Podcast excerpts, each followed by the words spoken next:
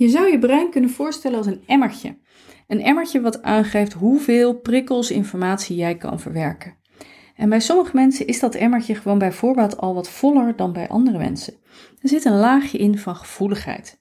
En die gevoeligheid bestaat uit twee dingen. Eén is de zintuigelijke gevoeligheid, dat je eerder dingen hoort, ruikt, proeft, voelt dan anderen. Dat je zintuigen gewoon sneller informatie doorgeven en daar kan je last van hebben. Nou, die gevoeligheid die is eigenlijk wel een soort van uh, aangeboren. En daarvan zou je kunnen zeggen, nou, daar doe je misschien niks aan. We weten uh, in principe dat je met supplementen en dat soort dingen daar ook nog wel wat aan kan doen. Maar die gevoeligheid hoeft niet per se het probleem te zijn. Je hebt nog een tweede soort van gevoeligheid. En dat gaat over spiegelneuronen. Spiegelneuronen zijn cellen in je hersenen die maken dat je stemming, emoties van andere mensen heel erg goed kan aanvoelen. En hoewel iedereen die spiegelneuronen heeft, is de een gevoeliger voor wat er bij een ander gebeurt dan de ander. En die gevoeligheid zit ook in je emmertje. Nou, dan heb je nog een tweede laag. En dat noemen we uh, gewoon je ik, je persoonlijkheidskenmerken. Wie ben jij? En de een zit nou eenmaal zo in elkaar dat hij uh, wat makkelijker door de wereld beweegt dan de ander. Want heb jij bijvoorbeeld een heel sterk gevoel van, uh, voor rechtvaardigheid? Of heb jij een heel erg sterk gevoel voor vrijheid?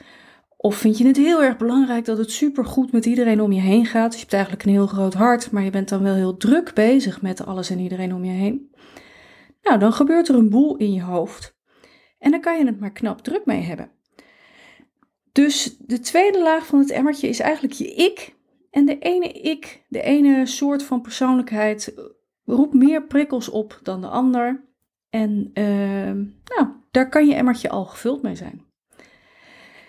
En dan kan het maar zo zijn dat je denkt: hé, hey, maar eigenlijk ben ik misschien een beetje raar, een beetje anders dan andere mensen om me heen en doe ik het wel goed.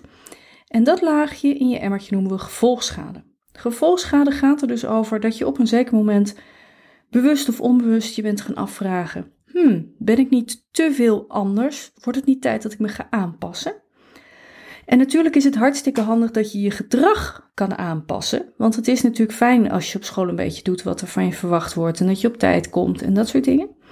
Maar veel mensen willen hun persoonlijkheid ook eigenlijk aanpassen. Denken, ik ben niet oké zoals ik ben, dus ik moet een beetje een ander mens worden. Soms zeggen mensen wel eens, het lijkt alsof de hele wereld een spel speelt en de, en de spelinstructies heeft gekregen, behalve ik. En dan blijf je maar zoeken naar, hoe ga ik zorgen dat ik inpas bij de rest. Nou, dat inproberen te passen, daar kun je het knap druk mee hebben. En dat is het volgende laagje van de emmertje, de gevolgschade. Nou, je ziet, het emmertje zit al best wel behoorlijk vol. En dan heb je ook nog dat die gevolgschade, dat steeds maar nadenken, ben ik wel oké, wat vinden mensen van me, dat dat impact heeft op je lijf. Dus dat het niet alleen je gedachten voedt, maar ook wat er van binnen gebeurt. En dat noemen we het autonome zenuwstelsel. het autonome zenuwstelsel kan in een happy place zijn en dan is het ontspannen. Maar kan ook in een ja, sad place, gestreste plek zijn. En dat vult je emmertje ook als er veel, als de wasmachine in je lijf als het ware veel aanstaat. Nou, dan heb je een behoorlijk vol emmertje. En dan blijft er één laagje over voor, ja, de dagelijkse gang van zaken. En voor kindertjes heb je het dan over je tanden op tijd poetsen en je gymspullen bij elkaar halen. En bij volwassenen heb je het over uh, je dossiers op orde hebben, bij zijn met je mail, uh, je huis opgeruimd hebben. En daar is dan eigenlijk vrij weinig plek voor in je brein. En dan ga je dus de dagelijkse dingen niet zo handig aanpakken en dan zit je als het ware in een vicieuze cirkel. Nou, wat wij doen is eigenlijk niet zozeer kijken naar wat gaat er allemaal mis, maar het, hoe gaan we de balans weer herstellen en hoe gaan we zorgen dat jouw emmertje wat leger wordt. Dus hoe gaan we zorgen dat er uh, wat minder gevolgschade is, waardoor je meer blij wordt met wie jij bent, je autonome zenuwstelsel wat kan ontspannen. Je gaat merken dat, uh, dat, dat hoe je bent, dat dat oké is en dat er wat gebruiksaanwijzingen zijn van dingen die je misschien handiger kan doen, maar in basis weer een stuk ontspanning in het autonome zenuwstelsel en in je gedachten. dat uh, de gedragskenmerken zoals je die hebt op basis van uh, wie jij bent, nou, dat je daar minder last van hebt.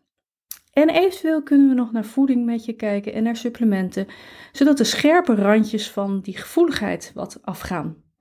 Nou, of je emmertje helemaal leeg is, ik ben er eigenlijk van overtuigd dat niemand een leeg emmertje heeft. Maar dit is wel waar heel veel mensen blij en gelukkiger van worden. Meer weten? We zien je graag.